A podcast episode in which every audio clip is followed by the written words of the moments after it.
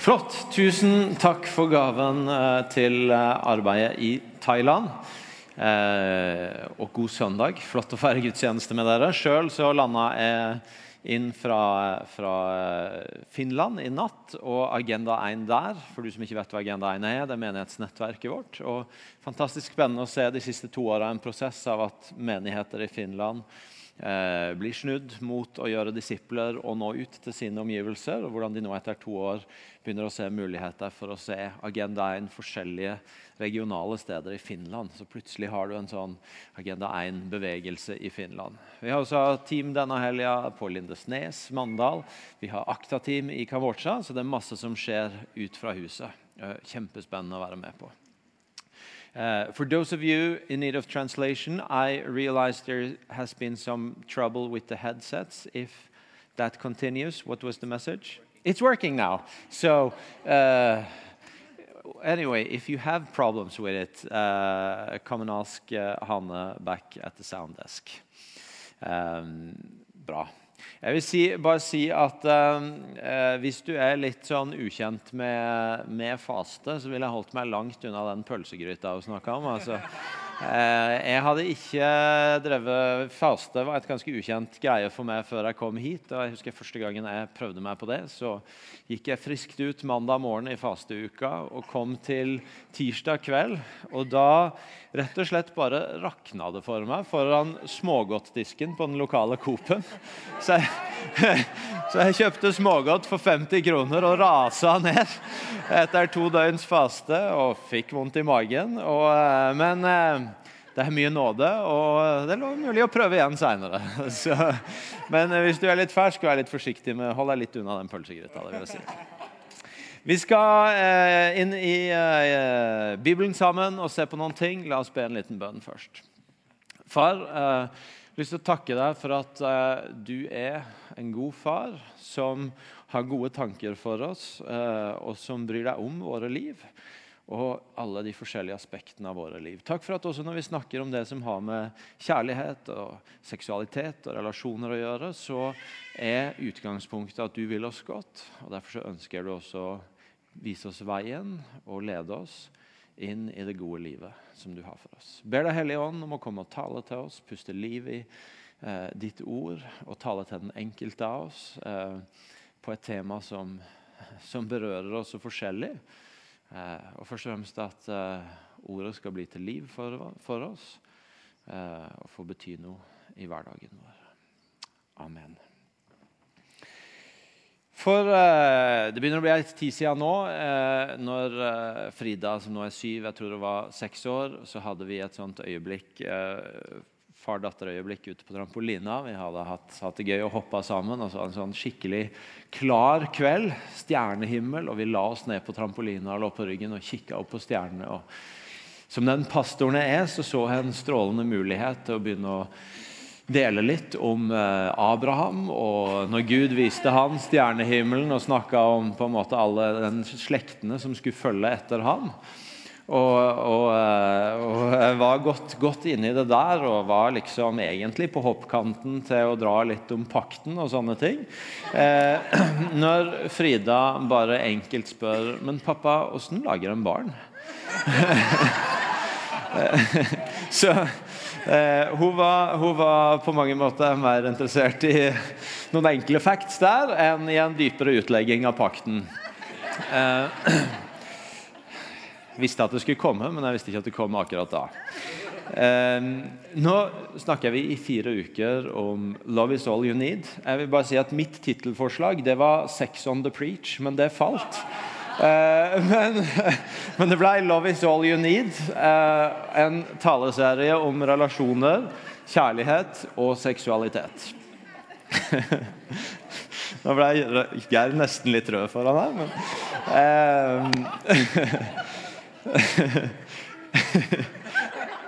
Inngangen vår til å snakke om de tinga kan være ganske forskjellig. Noen av oss er foreldre og skal prøve å veilede barn og unge til å snakke om, om disse tingene her og forstå disse tingene her. Og sjøl de av oss som fortsatt jobber litt med å tro at en ikke er helt ung sjøl lenger, så er det jo sånn at våre barn vokser opp i en virkelighet som er veldig annerledes enn når vi sjøl var unge. i forhold til alle, all tilgang som er på eh, ting som er av seksualisert innhold, og hvor mye som kommer mot, mot den, og hvor mange eksponeringer det er. Og eh, ganske mange av oss som foreldre utfordres på ja, hvordan håndterer vi det, hvordan snakker vi om det. Sist mandag så hadde vi et seminar her inne med en som heter Ian Henderson, som, eh, som ga bare praktiske tips til foreldre om hvordan å hjelpe barna til å navigere i den digitale virkeligheten og med alt det en eksponeres for, på en god måte. Eh, og eh, Sist, sist, september så hadde Medietilsynet en, en sånn barn- og medieundersøkelse hvor 42% av ungdom i alderen 13-18 år sier at de har sett porno på nett, som sier noe om den eksponeringa som en møter på det. Så kan det være andre av oss som er i jobbsituasjoner eller studentsituasjoner hvor det at folk oppdager at vi er kristne, gjør at de forventer at vi skal ha gitte meninger rundt det som har med seksualitet å gjøre. Og Så møter vi spørsmål, og så utfordres vi litt på ja, men hva skal jeg si, hva skal jeg svare. Eh, hvordan skal jeg eh, Jeg har egentlig lyst til å slippe å snakke så mye om det. Jeg har lyst til å snakke om andre ting med Jesus. Og så, og så lurer en litt på hva hva har jeg å si om dette, og hva er en god måte å nærme seg det på. Og så tror jeg jo at For oss alle så angår dette til syvende og sist livet vårt. i en eller annen form. For noen kanskje mer presserende enn andre akkurat nå. Men for oss alle på et eller annet vis så handler dette om livet vårt. Og om vår egen seksualitet, vårt eget behov for å både motta kjærlighet og gi kjærlighet. Uh, uavhengig av, av hva som er situasjonen vår. Og så er det jo sånn at Det samfunnet vi lever i, det har endra seg egentlig veldig raskt i forhold til hvordan en tenker om og snakker om og eksponerer rundt seksualitet. Og Med raskt så mener jeg at i løpet av noen ganske få tiår så har det skjedd utrolig mye. La meg gi et eksempel. Denne uka så kjørte Dagens Næringsliv en sak på at Dag Inge Ulstein, bistandsminister, eh, for mange år siden hadde skrevet en artikkel på et kristent nettsted om at han og kjæresten valgte å droppe en sydenferie fordi at eh, de ikke ønska å, teste, å, å, å sette seg sjøl i fare for å bryte de grensene de hadde satt i forhold til seksualitet før de skulle gifte seg. Og Så skriver Dagens Næringsliv om det, og så sier Arbeiderpartiets helsepolitiske, tals, eh, Arbeiderpartiets helsepolitiske leder at dette er anakronistiske ideer som ikke bør ha noen sentral plass i norsk politikk anno 2019. Og ønsker at bistandsministeren skal redegjøre om han fortsatt mener dette. Um, og, um, og, Det sier bare noe om den utviklingen som har vært. at Det, som, det ikke er så lenge siden at kanskje ikke nødvendigvis alle var enig i at det var ei grense å vente med sex til en var gift, så var det likevel en ganske sånn akseptert måte å tenke på. Mens her er altså problematiseringa er det i det hele tatt greit at en politiker skulle mene noe sånt. Det sier noe om en utvikling. Um, nå er det ikke meningen å ha en sånn eh, Dag Inge Hulstein-kavalkade her, men jeg har ett eksempel til som, som involverer han. fordi at eh, Tilbake i januar tror jeg det var, så ansatte han også en rådgiver som eh, tidligere hadde stått fram som pornoavhengig, at han var blitt fri fra porno. Så lagde NRK en sak hvor de på en måte prøvde å koble sammen de tingene, og bl.a. stille spørsmål om ja, hva tenker du om at en tidligere pornoavhengig nå skal være med å styre i bistandsdepartementet.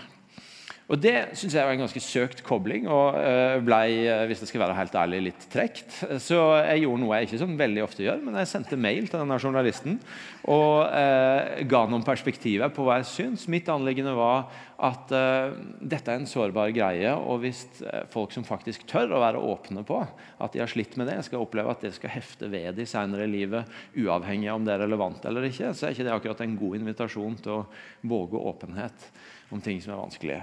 Et, en del av svaret den journalisten skrev tilbake til meg, var denne saken viser fram hvor betent og vanskelig noe så allment og vanlig som pornografi fortsatt er i KrF og kristne miljøer. Med andre ord Eh, porno er egentlig noe som er helt vanlig og naturlig, men det er en liten gjeng borti der i de kristne miljøene som fortsatt syns at det er litt vanskelig. Eh, det sier noe om en utvikling. Og så er ikke Mitt poeng med å nevne de, eh, med de eksemplene og på en måte begynne med en sånn svartmaling av hvor, hvor fælt alt er blitt. Men, men, først og fremst kanskje bare å bringe opp på banen at det utfordrer jo oss som kristne på hvordan, hvordan responderer vi på den endringa. Hvordan forholder vi oss til det? Eh, hva, hva, gjør det med oss? Gjør det at vi gradvis flytter oss litt for å ikke være så rare? Og at vi på en måte gradvis flytter oss litt mot det som resten tenker. fordi det, det, det, er bare slitsomt å være annerledes og alltid skulle være den som står for de rare greiene. Eller blir vi fullstendig reaktive og, og nettopp svartmaler verden rundt oss og, og, snakker om den på en måte som gjør at vi i hvert fall ikke kan vente at, at noen skulle høre på oss der. For det er åpenbart at, eh, at vi har ikke så mye til overs for det.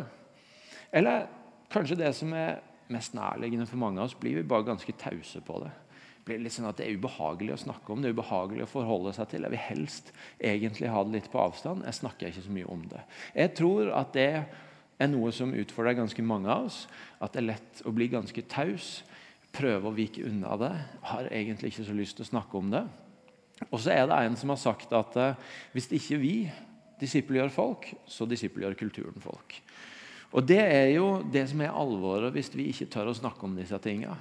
At da, eh, da vil vi, enten vi liker det eller ikke, over tid formes likt med det som skjer rundt oss. Hvis vi ikke snakker om det, hvis vi ikke tør å stille livet vårt innenfor Guds ord og se ok, men hva, hva er det Gud har å si inn i dette, så, så vil vi over tid formes likere omgivelsene rundt oss.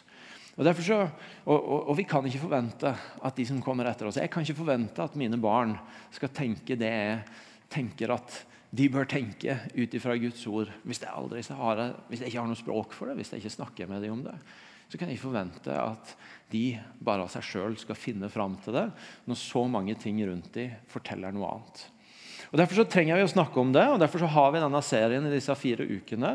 Og så er det et vanvittig svært tema hvor det er så mange ting vi kunne snakke om, at selv om vi har fire uker, som for noen av dere kan sikkert føles ut som litt lenge, og det, nå, nå, ble det litt mye, eh, allikevel egentlig er altfor lite til å liksom virkelig dykke inn i alle sider. Um, og, og, og, og, I tillegg så er det, hvis vi skal være helt ærlige, salater å tråkke i på alle sider. Uh, som gjør at uh, på en måte, hvis den, hvis den vil, så kan den bli fryktelig forsiktig. Men så må vi heller prøve å tørre å si noe. Og så håper jeg at det kan være en samtalestarter hvor dere fortsetter samtalen med venner, i familier, i huskirker og rundt omkring, og, og holder og, og, og, begynner å snakke om disse tingene. Og jeg sier jo ikke at dere aldri gjør det allerede, men, men, at det at vi snakker om det, kan hjelpe oss til å snakke mer om det. Og Så kan det godt hende at du blir litt provosert. Det gjør ingenting. Eh, du må gjerne komme tilbake og diskutere. Eh, det kan også hende at du blir støtt eller syns at noe av det som sies, er sårt. Og det er dumt. Men da håper jeg også at du kommer og snakker med oss, sånn at vi kan lære. I Matteus eh, 19 så det, står det at det kommer noen fariseere for å sette Jesus på prøve.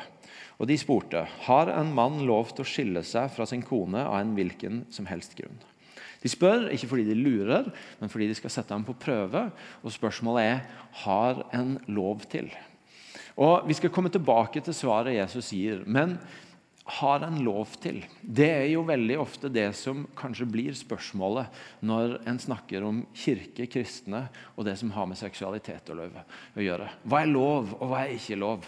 Hva er greit, og hva er ikke greit? Hvor går grensene? Har en lov til?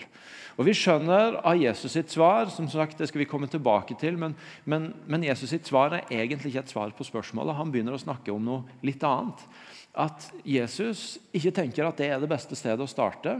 Og jeg tenker at det er ganske viktig for oss også å ha et forhold til at egentlig det beste stedet å starte når vi skal snakke om seksualitet, også som eh, kirke og som kristne, er ikke å begynne med å spørre hva er lov. Har jeg lov til, eller har jeg ikke lov til? Fordi at Det er et spørsmål som egentlig veldig lett kan plassere oss litt på distanse fra tematikken. Jeg kan plassere meg innafor eller utafor. Jeg er 40 år gammel, har snart vært gift i 15 år, og jeg kan tenke mitt liv passer inn i på en måte den ramma som ofte gis. Ja, ok, men Da er det greit. Da, da, da er jeg på plass og trenger ikke tenke så mye mer på det. Eller du kan tenke jeg passer ikke inn i den ramma. Det er noe de holder på med der borte. Jeg er ikke en del av det. Og så, og så plasserer den seg litt på distanse, så blir det en sak mer enn at det handler om mitt og ditt liv. Og jeg tror at Vi må begynne et annet sted, og vi må begynne med andre spørsmål som tar det nærmere oss sjøl. Et par spørsmål som kan være bra å begynne med når en snakker om seksualitet, det er f.eks.: Hvem er jeg? Forstått som hva er identiteten min? Hvor henter jeg verdien min fra? Hvor henter jeg forståelsen av hvem jeg er, og hva jeg er verdt? At, eh, og Det er et spørsmål som kan minne oss om at i det samfunnet vi lever i, og med all den eksponeringa for sex som ser, skjer rundt oss, så kan vi stå i fare for å gi det som har med kropp og seksualitet og samliv å gjøre, større betydning enn det det skulle ha. Og Med det så mener jeg at vi Det kommer så mye mot oss av ting som handler om eh, utseende, å være attraktiv, å ha et godt samliv, å ha et godt sexliv. Du kan, et, et, jeg tror så å si aldri jeg er inne på vg.no uten at der står syv tips for et bedre sexliv, eller hvordan få en bedre orgasme, eller hvordan få orden på ereksjon, eller et eller annet sånt ekstremt eksplisitt, egentlig. Som, som bare kommer mot, og som gjør at det skal ganske fort at vi kan begynne å hente verdi ut fra er jeg attraktiv? Er samlivet mitt godt? Har jeg et samliv? Er sexlivet mitt godt? Og så, og, så, og så, kan vi begynne å la det få innflytelse på, på, hvem vi er, og på hva vi har vært. Men som kristne så tror vi at verdien vår kommer fra et helt annet sted. At verdien vår kommer av at vi er skapt i Guds bilde, og at Han elsker oss. Og at det er det som forteller oss vår verdi, og ikke verken hvor attraktive vi måtte være akkurat nå i verdens øyne, eller, eller hva slags sivil status vi har, eller hvor godt samlivet er, eller hvor bra sexlivet er. Men, men, det kommer av hvem som har skapt oss, og hvordan han ser på oss. Linn Øydis sa det så bra sist søndag når hun ble intervjua i talen til Martin. Eh, når hun snakka om hvordan på den ene sida sårbarheten i, å, i å, eh, det å være singel, og noen ganger kunne føle på det som Jeg tror hun faktisk brukte ordet diagnose. At det kunne være en, sånn, det kunne være en ganske sårbar ting å, eh, å gå rundt med. Og Samtidig så sa hun så tydelig men, men er en kongsdatter, så jeg henter verdien min fra et annet sted. Um, og Det er bare så viktig for oss å få på plass at svaret på hvem vi er og på verdien vår, den kommer fra et annet sted. Og Det er også sånn at det å gå inn i et samliv med en sånn tanke om at bare jeg finner en å dele livet med, så skal jeg kjenne meg elska, så skal jeg kjenne meg verdifull, eller så skal jeg ikke være ensom lenger. Da skal jeg bli lykkelig. Det er egentlig et utrolig dårlig utgangspunkt å gå inn i.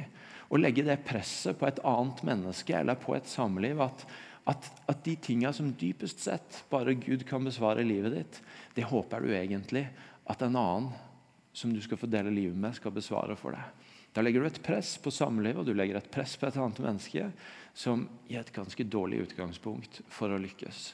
Der er noen ting vi dypest sett bare kan få svar av Han som har skapt oss fra. Og et av de er hvor, hvem er jeg? Hvor henter jeg verdien min? Hvorfor, hvorfor, er jeg verdifull blant alle andre? Og Det trenger vi å søke Gud sjøl for å få på plass.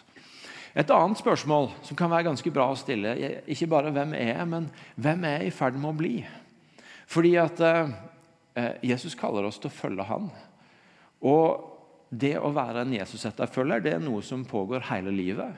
Og Det er et liv som handler om å over tid kontinuerlig bli forma i likhet med Han som kaller oss til å følge. Det er jo, Et sted i Bibelen så snakkes det om å bli likedanna med Jesus. altså at, at, Den identiteten vi har, at han bor i oss, det skal mer og mer bli synlig i, i livet vårt. Og Det er et spørsmål som kan minne oss om at vi også kan gi det som har med seksualitet å gjøre, for lite plass. Og gi det for lite betydning. Fordi at det er jo litt sånn holdning rundt oss at, at på en måte litt sånn eh, Det er jo bare sex. Det er jo bare litt moro. Det, eh, det er jo bare litt krydder. Og så, Og så kan alle de der eh, tinga som både kommer innenfra oss sjøl, men også som kommer til oss av inntrykk rundt sex, få en litt sånn Ja, men det er jo bare sex, og, og, og det, det er jo ikke så farlig. Men så kan det egentlig begynne å prege oss på en sånn måte at, at dette spørsmålet om å bli likedanna med Jesus, av å være en etterfølger av han og bli forma mer og mer som han, eh, det minner oss om at det er faktisk det vi er kalt til. Og det skal få utfordre en del av de tinga som både kommer ut innenfra hos oss, men også som kommer mot oss og vil prege oss. Jesus han sier at det største budet det er å elske Gud og andre mennesker som seg sjøl. Og Jesus demonstrerer en kjærlighet som ikke søker å få, men som søker å gi. En kjærlighet som er villig til å ofre, som er villig til å gi, som er villig til å tjene. Og Det er en ganske stor kontrast mellom et fokus på seksualitet som handler om nytelse, om hva en kan få ut av det, om, om hvordan en kan maksimere det, og en demonstrasjon av kjærlighet som handler om hva kan jeg gi, hvordan kan jeg tjene, hvordan kan jeg elske deg fram. Og Det betyr at et utrolig viktig spørsmål for oss alle å stille også i møte med seksualitet, det er hvordan det å koble sammen Jesus-etterfølgelsen vår med seksualiteten og spørre hvem er i ferd med å bli, også på det området som har med seksualitet å gjøre. Hva er det som får lov til å prege meg? Hva er det som former meg nå? Hvem, hvem er i ferd med å bli? Og så er det sånn at I Bibelen så ser vi helt fra starten av at seksualitet det representerer både en gave og en utfordring. Vi leser i Første Mosebok 2 helt fra skapelsen av. Eh, Første Mosebok 2, vers 18. Da sa Herren Gud, det er ikke godt for mennesket å være alene. Jeg vil lage en hjelper av samme slag. Og Så leser vi videre fra vers 21. Da lot Herren Gud en dyp søvn komme over mannen. Mens han sov, tok han et ribbein og fylte igjen med kjøtt. Av ribbeinet Herren Gud hadde tatt fra mannen, bygde han en kvinne, og han førte henne til mannen. Da sa mannen, nå er det bein av mine bein og kjøtt av mitt kjøtt. Hun skal kalles kvinne, for av mannen er hun tatt. Derfor skal mannen forlate sin far og sin mor og holde fast ved sin kvinne, og de to skal være én kropp. Begge var nakne, både mannen og kvinnen, og de skamma seg ikke for hverandre.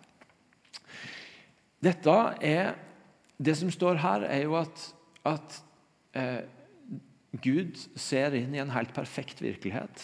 Eh, paradis, Edens hage, og ser at selv om alt er godt, så er det ikke godt for det første mennesket å være alene. Så han skaper en som er hans like.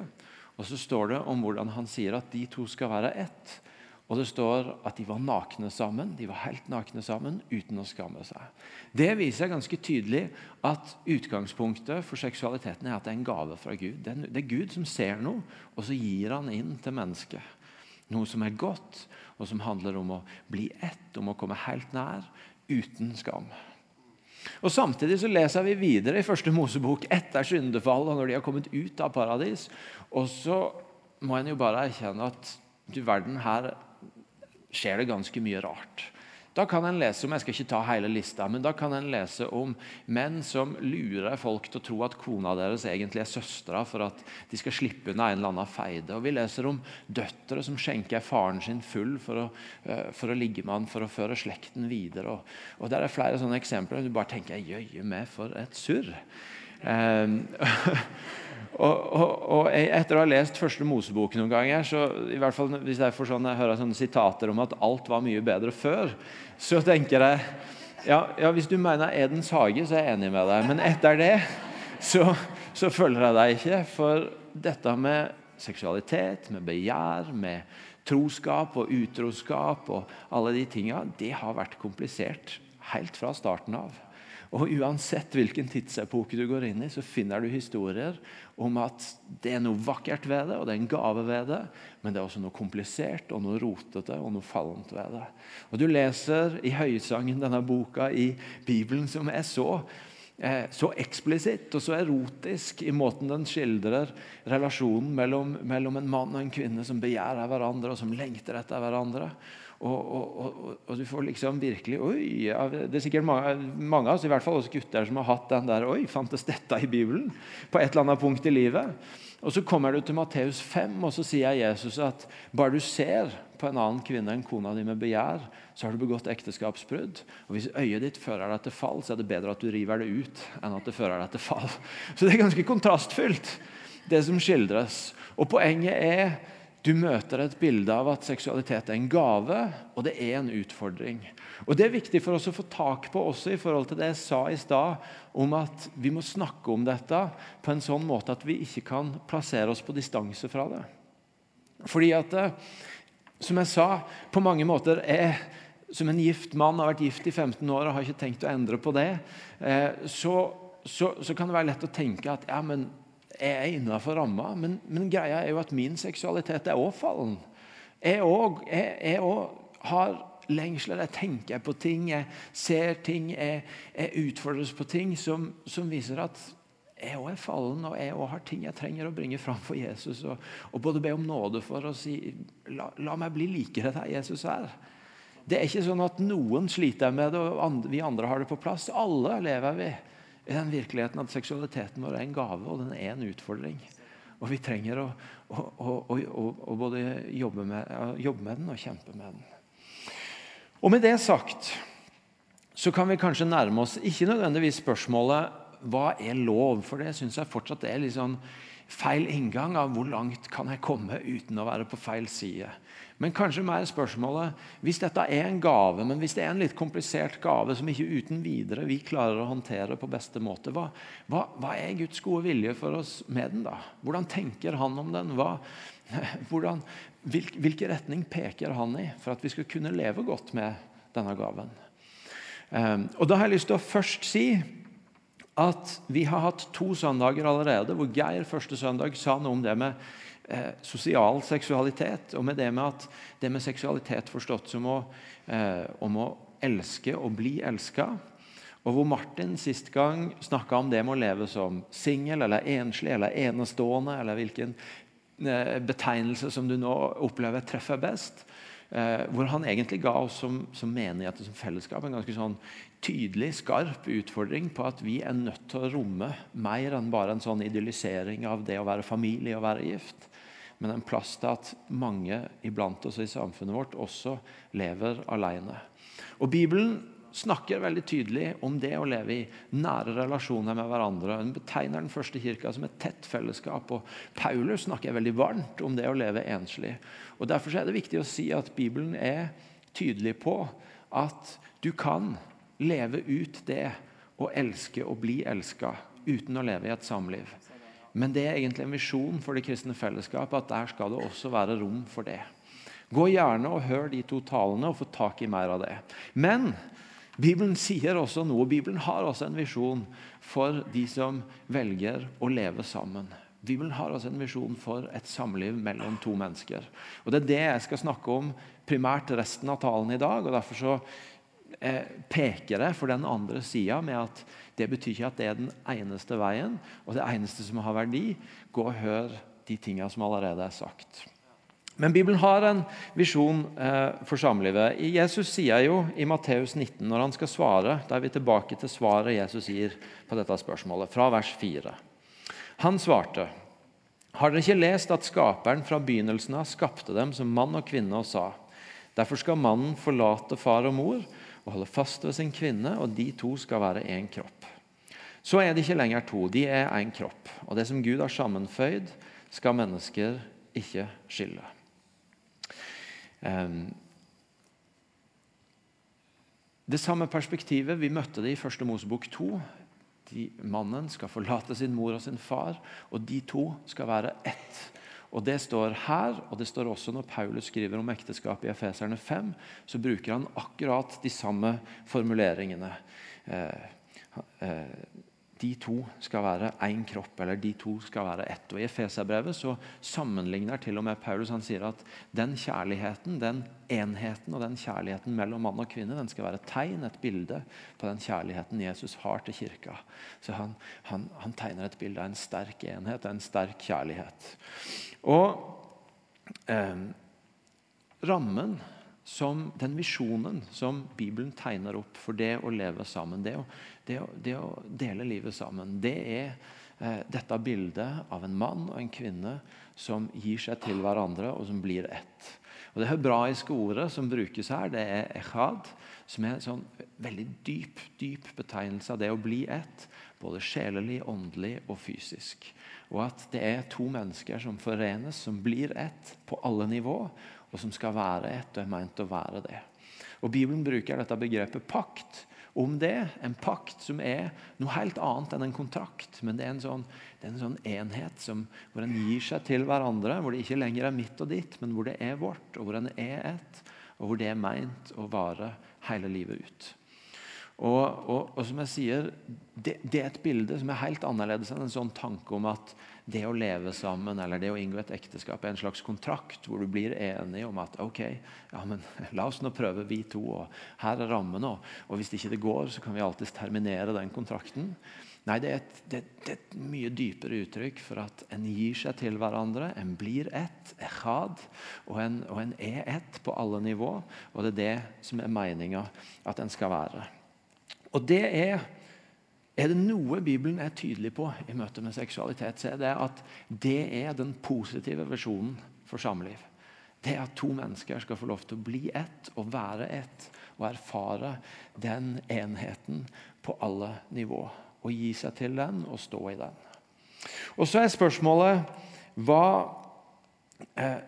hvilke konsekvenser får det, den visjonen, for de ulike måte, stedene vi kan være på i forhold til det med samliv? Et, et, sted å starte er selvfølgelig hva betyr det for de iblant oss som, som, uh, som ikke er gift, men som kanskje lengter eller drømmer om å, om å, dele livet sammen med noen, eller som er i en relasjon som en tenker at kanskje kan føre til at det skal bli oss to.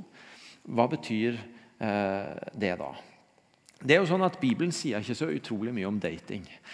Det er en annen tid og en annen kultur hvor man både gjerne gifta seg yngre, og hvor foreldre hadde en ganske mye mer aktiv rolle i valg av livsledsager. Som far og godt gift sjøl syns jeg jo det er en veldig god idé som vi godt kunne plukke opp. Men eh, mine barn er sikkert fornøyd med at det ikke er sånn.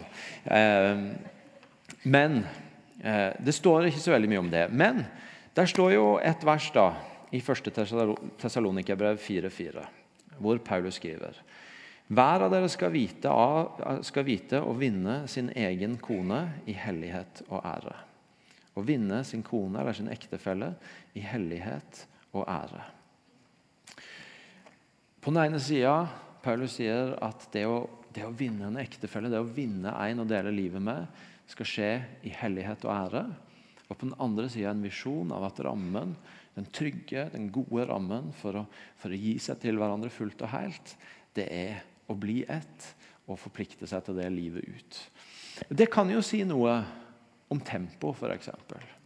Om at det er lurt hvis målet er å gjøre dette i hellighet og ære, og hvis målet er at en over tid skal kunne bli ett, og ikke pushe grenser hele veien. Og Da snakker jeg ikke bare om fysisk, men også følelsesmessig og, og, og, og i bånda en knytter til hverandre på flere nivåer. Og ikke hele veien pushe de, men å tørre å la det være en prosess som er trygg nok, og som går i et tempo som er trygt nok til at en tør å gradvis nærme hverandre og kjenne at dette er trygt og dette er godt.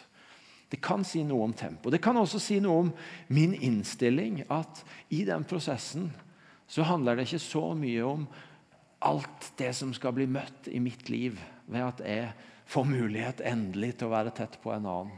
Men at kanskje handler det vel så mye om hvordan kan jeg bli enda bedre kjent med den andre. Sånn at jeg kan lære å elske han eller hun. Lære hva det vil si å elske og tjene og løfte opp det mennesket. Sånn som Jesus viser en offervillig kjærlighet. Hva er kjærlighetsspråket de sitt? Hva, hvordan er det å komme under de og, og, løfte de opp og elske de? Hvordan ser det ut å elske de på en måte som ikke søker mitt eget, men som søker den andres? Og Så skal jeg også si helt eh, tydelig at eh, det jeg tenker, og det vi tenker som menighet, ut fra det som vi har lest her, det er at det Bibelen peker på som, eh, som den gode veien å gå, det er også å vente med å fysisk sett bli ett til en har gifta seg. Ikke fordi at eh, Gud ønsker å være kjip på det, ikke fordi at det ikke kan være godt for det om en ikke venter, men fordi at eh, det er noe som henger sammen med å bli ett på mange nivå, og som er meint å høre inn i den tryggheten som en forpliktelse for resten av livet gir. Og Det kan være godt der og da, men det kan bli enda bedre hvis det får lov til å ha rammen av at ja, men dette skal vare livet ut.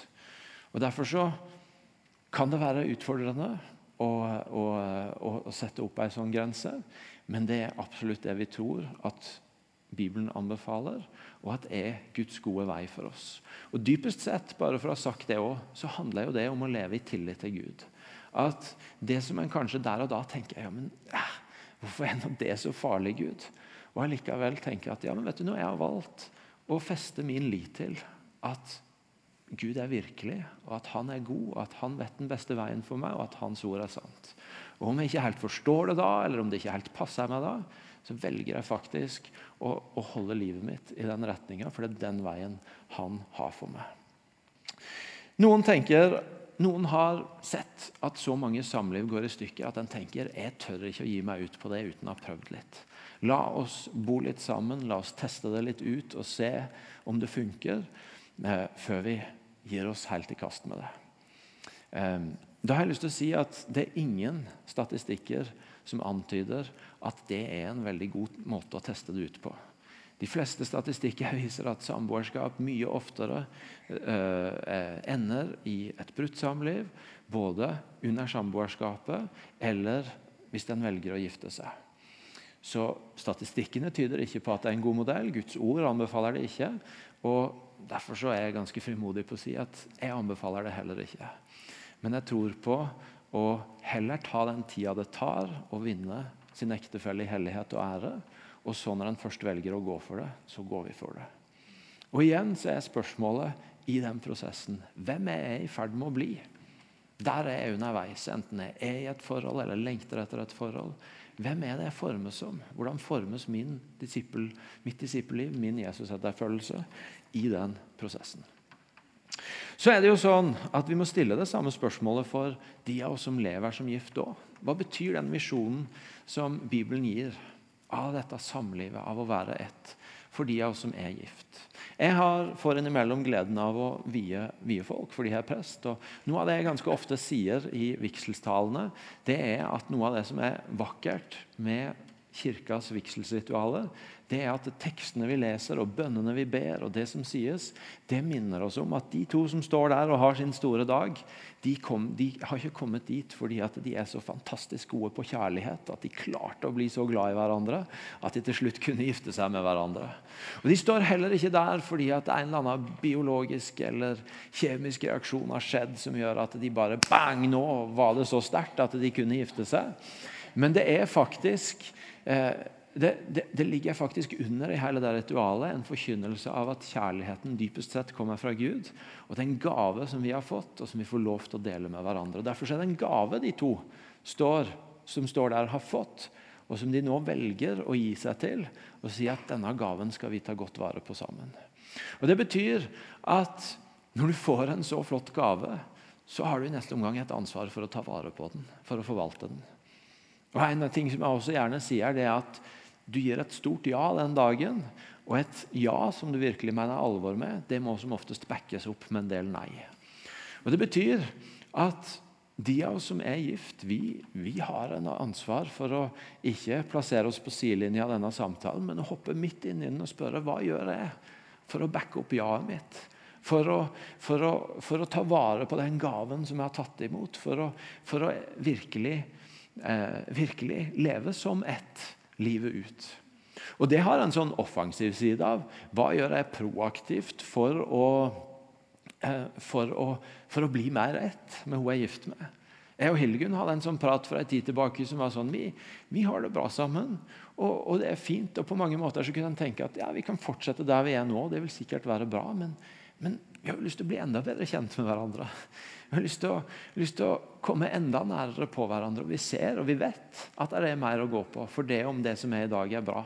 Og Vi har lyst til å ta grep, vi har lyst til å ta valg for å etterjage det.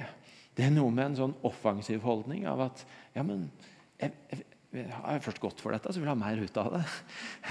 Jeg vil, jeg vil holde det varmt. Vil, jeg vil bli mer rett. Men det har selvfølgelig også en sånn beskyttende greie av hvilke valg tar jeg som er med på å backe opp ja-et mitt? Som er med på å, eh, å beskytte den pakten vi har gått inn. Hvilke ting er det jeg trenger å si nei til? Hvilke ting er det som jeg må være bevisst på at vi er lurt eller ikke lurt? Eh, tar jeg valg som på en måte er, bare søker mitt eget, men ikke er bra for hun jeg er gift med? Er det lurt å ha kollokviegrupper med andre av samme kjønn om hva som skulle vært annerledes med ektefellene våre? Eh, en del sånne ting som Er dette byggende, eller er det ikke byggende?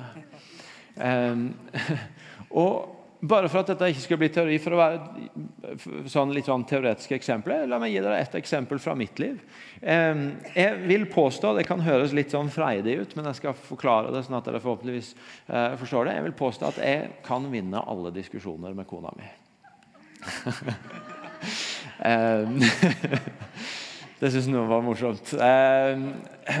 Og med det så mener jeg ikke at kona mi ikke er skarp. For hun, det er ingen som kan stille meg så til veggs med noen skarpe spørsmål som hun. Men jeg er flink med ord. Jeg er veldig flink til å formulere meg. Jeg er veldig flink til å, og jeg kan, kan formulere meg sånn at de tingene jeg legger fram, høres veldig rett ut. Jeg er i tillegg veldig flink Jeg er i tillegg ganske flink til å plukke fra litt sånn rariteter eller litt sånn uklare formuleringer hos andre. Sånn at eksempel, hvis, hvis noen sier 'alltid', og det er ofte, så jeg, jeg har mulighet til å skape et ganske godt rom der jeg, hvor, hvor det ikke er konsistens i det argumentet. Eh, samtidig som jeg er gift med ei som tenker ekstrovert. som Det var utrolig nyttig for meg når jeg lærte at hun mener ikke alt hun sier. Hun må bare si det for å ha tenkt det. Eh, og hvor ting gjerne kommer litt hult der til bulter, og hvor ting må ryddes litt i underveis. Og som gjør at jeg ganske ofte, hvis jeg vil, kan ha et ganske sånn sterkt verbalt overtak på henne. Hvor jeg kan som jeg sier, vinne de fleste diskusjoner. Og så er spørsmålet Hvis jeg vant diskusjonen, men ikke kom noe nærmere henne, kanskje snarere kom lenger unna henne Eller hvis hun, som hun har innrømt når vi har snakka om dette, og jeg har måttet vende om og søke å vokse i mitt liv, som hun har innrømt at noen ganger så bare har jo ikke gått og tatt samtalen, for hun vet hva som skjer. Ja, hva, hva, har jeg vunnet da? Jeg kan jo være så flink jeg vil på å argumentere og ordlegge med alt jeg vil, men, men jeg taper jo. Og så kan det være at et sånt eksempel, Kanskje kjenner noen dere dere igjen i det, andre kanskje ikke. Men, men, men du har dine egne greier hvor, hvor, er dette spørsmålet Hvem er det i ferd med å formes til å bli? Hvordan, hvordan tas min Jesus-etterfølgelse inn i det å elske og ære den andre på en sånn måte som ikke bryter ned, men som bygger opp. Og så skal jeg også si, Det kan godt hende at det sitter noen her som tenker at ja, hvis, hvis, det er sånne problemer du har, da er du heldig, for de problemene jeg har, de er ganske mye større. Og da vil jeg si det, det er ok, og det hører jeg. Og så vil jeg likevel spørsmålet mitt tilbake egentlig være det samme. Hva, hva gjør du for å ta eierskap for det? Og hva gjør du for å stille det under hvordan, hvordan, hvordan kan jeg formes lik Jesus i den situasjonen. Og så, eh, og til slutt så har jeg bare lyst til å si rundt det med ekteskap at jeg tror, jeg tror Martin var inne på det siste òg, men, men dette, denne her dyrkinga i kulturen vår av kjernefamilien alene, det er en moderne ting som, eh, som det er ganske mye i skilsmissetall og andre ting som tyder på at ikke er ekstremt lurt. Og jeg vil si til oss som er gift, at Noe av det viktigste vi gjør, det er å bygge et nettverk rundt oss som gjør at vi har noen rundt oss når det blir vanskelig. Og, trenger, og, som hjelper oss til å leve livet, og som gjør at vi ikke skal bære hele vekta av å klare å holde ehad hele livet igjennom alene, men at vi har noen med oss i det. Og Da er vi på vei inn i det neste, som handler om at noen ganger så blir det å leve sammen skikkelig vanskelig. Noen ganger så havner vi i kriser, og vi dunker i hverandre, og vi vet ikke hvordan vi skal komme ut av det. Og det blir skikkelig vanskelig. Og Det første som er å si da, det er at da, da, da må vi gjøre alt vi kan for å hjelpe hverandre til å komme gjennom den krisa. Da må vi som fellesskap, som menighet, som venner, som familie, som de som står rundt, gjøre det vi kan for å hjelpe hverandre til å komme gjennom den kampen. Og Derfor er det jeg nettopp sa, å bygge for de gode og de dårlige tidene noen tett på, som kan stå med i sånne tider, det er så viktig. Og Som menighet så har vi samlivskurs, vi har et veiledningssenter som eh, jeg tror var oppe på infovideoen i stad, som også tilbyr veiledning for par. Og Vi ønsker virkelig å gjøre det vi kan for å være med å hjelpe til at ja, vi skal snakke sant om at noen ganger så havner vi i krise, men vi skal gjøre det vi kan for å hjelpe hverandre igjennom. Fordi målet, hvis visjonen er at de skal være ett, og det skal vare livet igjennom, så må målet alltid være å kjempe så lenge vi kan for at det skal være mulig. Og Det må være startpunktet. Og Så er det likevel sånn at noen ganger så dør samlivet ut. Noen ganger så går det ikke. Og Det kan være forskjellige utgangspunkt for det, men det er en realitet vi lever med. At noen ganger så går det ikke. Og noen ganger så dør samlivet ut. Og hva skal vi gjøre da? Da må jeg for det første si, og det er et komplisert spørsmål, både menneskelig talt og teologisk. Og jeg må si med en gang at det er jo et sted og det er en situasjon jeg ikke har vært i. og Derfor så snakker jeg om det med ydmykhet for det. Men jeg tror for det første at de som aller flest mest vet noe om den smerten som ligger i det, det er de som sjøl opplever det og står oppi det. Og som aller mest vet at det er vanskelig, og at det gjør vondt. Og jeg tenker at Jesus han er helt enorm på det med å være veldig veldig tydelig og veldig sann, og samtidig veldig nådefull på samme tid. Å holde oppe standarden og holde oppe sannheten, og samtidig vise veldig mye nåde. Han er utrolig sterk på begge sider av skalaen. Og så tror jeg noen ganger at Noe av det som kan være veldig lett for oss, det er å på en måte skrenke litt inn på begge sider. Litt mindre sannhet og litt mindre nåde litt mindre forsiktig med å, med å være ærlig om, om at dette, dette, var ikke sånn det var tenkt å være, og samtidig litt dårligere på å finne veien til, med nåden inn i de vanskelige situasjonene. Og jeg tenker at de som står midt oppi det, de trenger ikke at vi går inn og i et eller annet forsøk på å gjøre det lettere, går inn og prøver å bagatellisere det og gjøre det mindre farlig og mindre alvorlig og, og mindre vondt enn det det er. Og, men de trenger heller ikke at vi kommer inn og legger stein til byrden og prøver å, å, sikre oss at de virkelig vet hvor ille dette er. Men kanskje er noe av det viktigste vi gjør, det er bare å prøve å komme nær. Det å prøve å komme nær. Og ikke vike unna det ubehagelige, og ikke vike unna det som, det som, det som vi ikke helt vet hva vi skal si og hva vi skal gjøre men, men hvor det dårligste alternativet av alt det er å vike unna. Og Jeg har venner, jeg har gode venner som har fortalt om hvordan det å gå gjennom et samlivsbrudd det ble ei tid hvor de trakk seg unna det kristne fellesskapet for de var usikre på om det var plass der. Og Det gjør inntrykk på meg å høre. For som Martin sa sist søndag, vår drøm er at dette skal være et godt sted å ha det vondt på. At det skal være et godt sted å ha det vondt på. Og hvor, Om ikke vi har alle svarene, om vi ikke vet alt om hvordan en skal gå neste steg i denne situasjonen, så skal vi i hvert fall gjøre det vi kan for å gå med, og gå nær og gå sammen med. Og Jeg vet ikke alt om hvordan vi skal lykkes med det. Jeg har ikke alle svarene på det, men jeg har lyst til å legge det inn over oss som menighet òg, at det må være målet vårt. Og Jeg har lyst til at du som står oppi det, eller som kommer til å stå oppi det, skal vite at det er hjertet vårt, det er ønsket vårt. Er vi perfekte i det? Nei, antageligvis ikke. Men, men, det er det vi ønsker, og det er det vi har lyst til å være for deg hvis du er oppi det. Noen som står nær, og noen som prøver å skape et sted hvor det tross alt kan være godt å ha det vondt. Og så eh, er det jo sånn at For noen så dukker også dette spørsmålet om eh, er en ny start mulig. Kan, kan, kan det være mulig å begynne på nytt og gifte meg igjen? Og Da er vi inne i det som antagelig er det mest kompliserte spørsmålet teologisk, og som vi ikke kan ta på en måte i sånn, sånn fulle bredde her og nå. Men det er, jo, det er jo noe av det de toucher på i Matteus 19. og Vi skal lese noen vers til fra vers eh, 7. Der står det De spurte han hvorfor har da Moses bestemt at mannen skal gi kvinnen skilsmissebrev før han kan sende henne fra seg.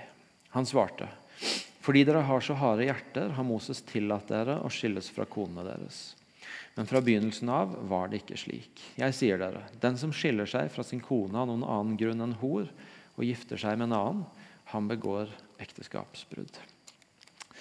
Eh, Jesus på den ene sida anerkjenner at det er lagd ordninger fordi at en lever i en verden som, er, som, som det er synd i, som det er brutthet i, som det er nederlag i.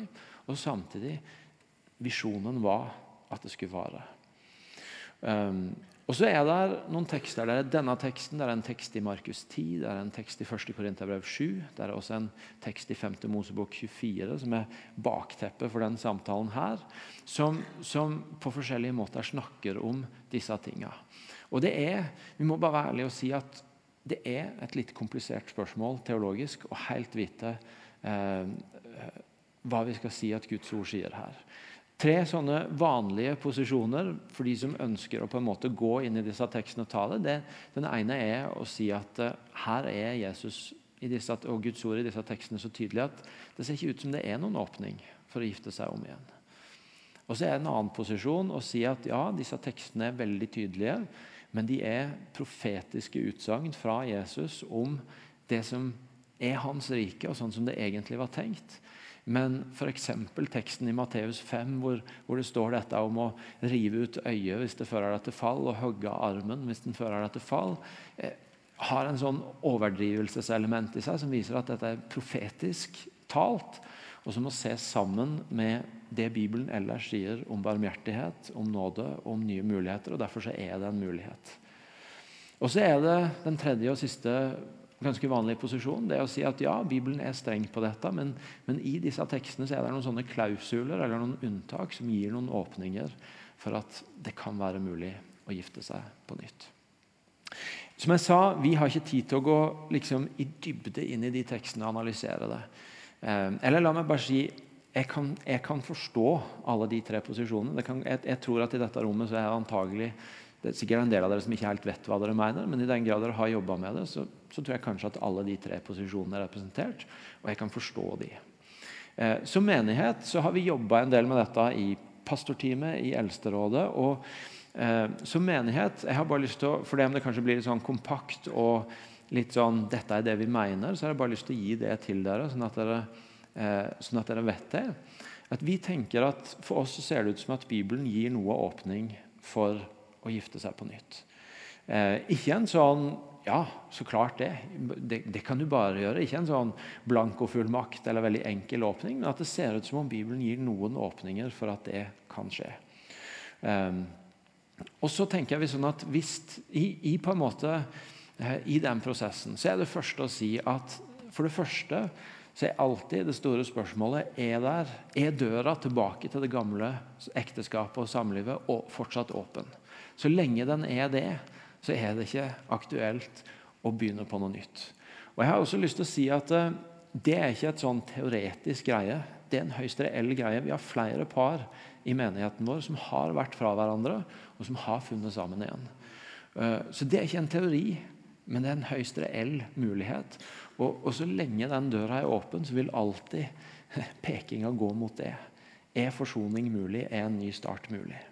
Men hvis døra er, er lukt, så vi vil si at skal en begynne på en prosess mot å tenke på noe nytt, så er det utrolig viktig at en tar tid til å bearbeide det som har vært. Til å bearbeide de såra som er der, til å bearbeide det som var ens egen del i det.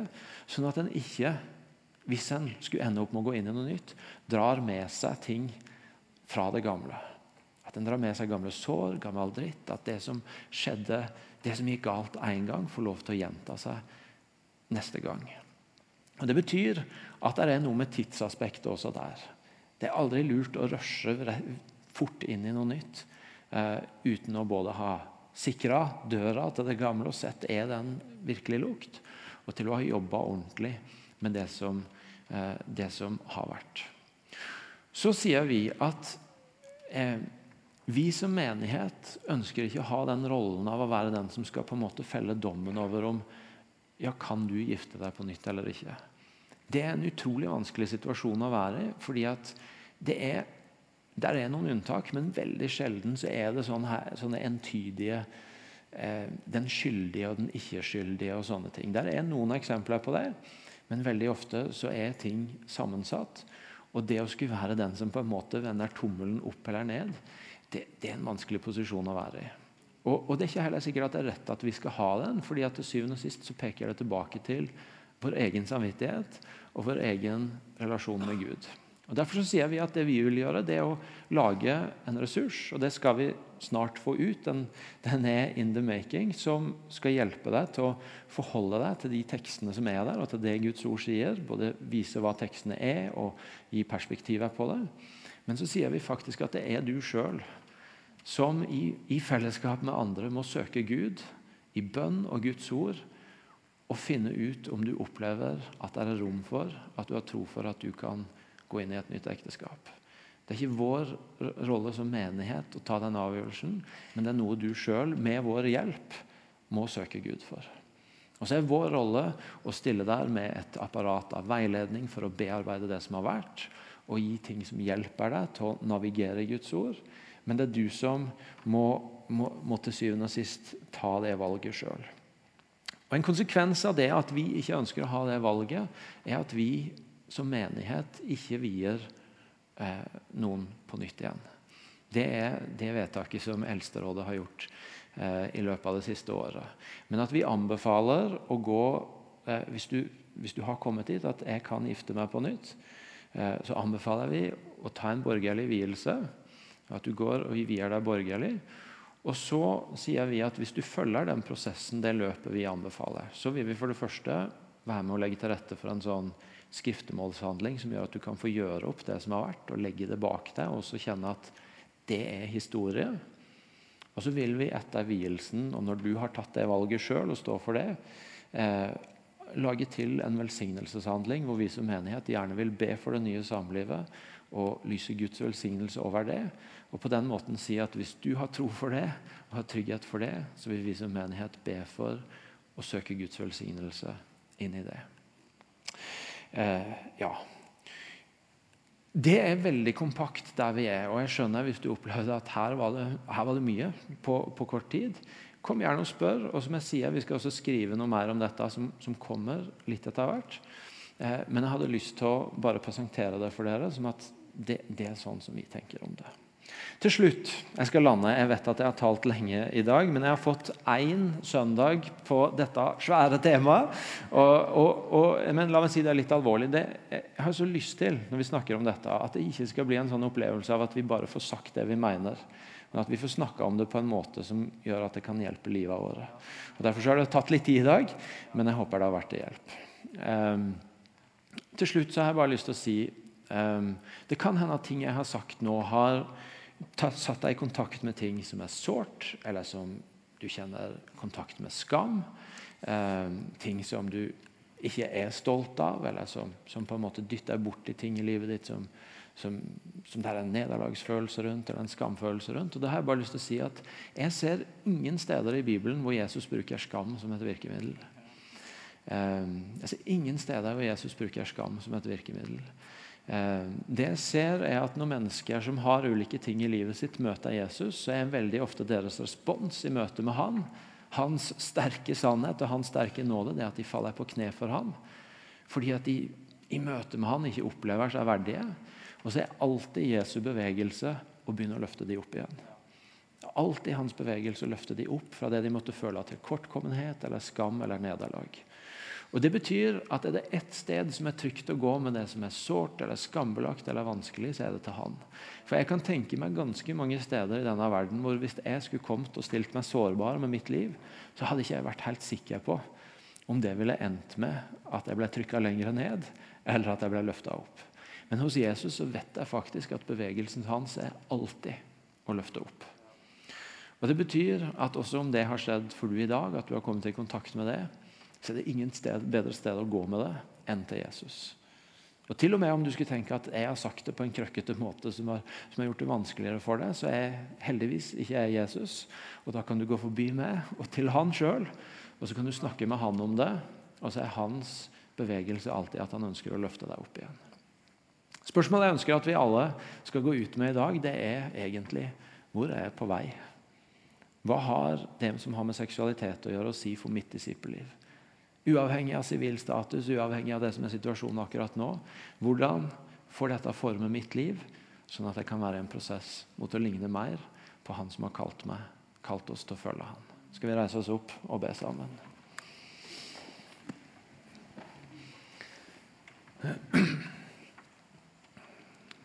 Takk, Jesus, for at du kaller oss til å følge og for at du peker på en vei som er god for oss. Og Takk for at også i det som er nært og som er personlig, og som noen ganger kan være vanskelig, så, så, så har du en god vei for oss.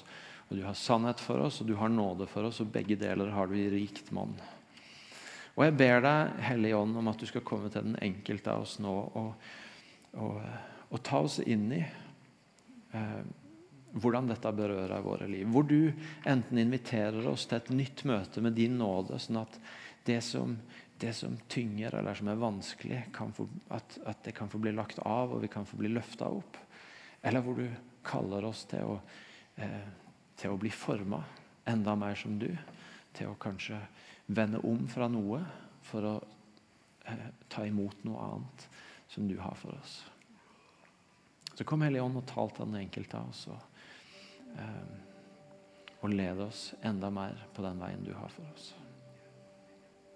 La oss bare søke Den hellige ånd og spørre hvordan dette angår våre liv, mens teamet leder oss i en responssang.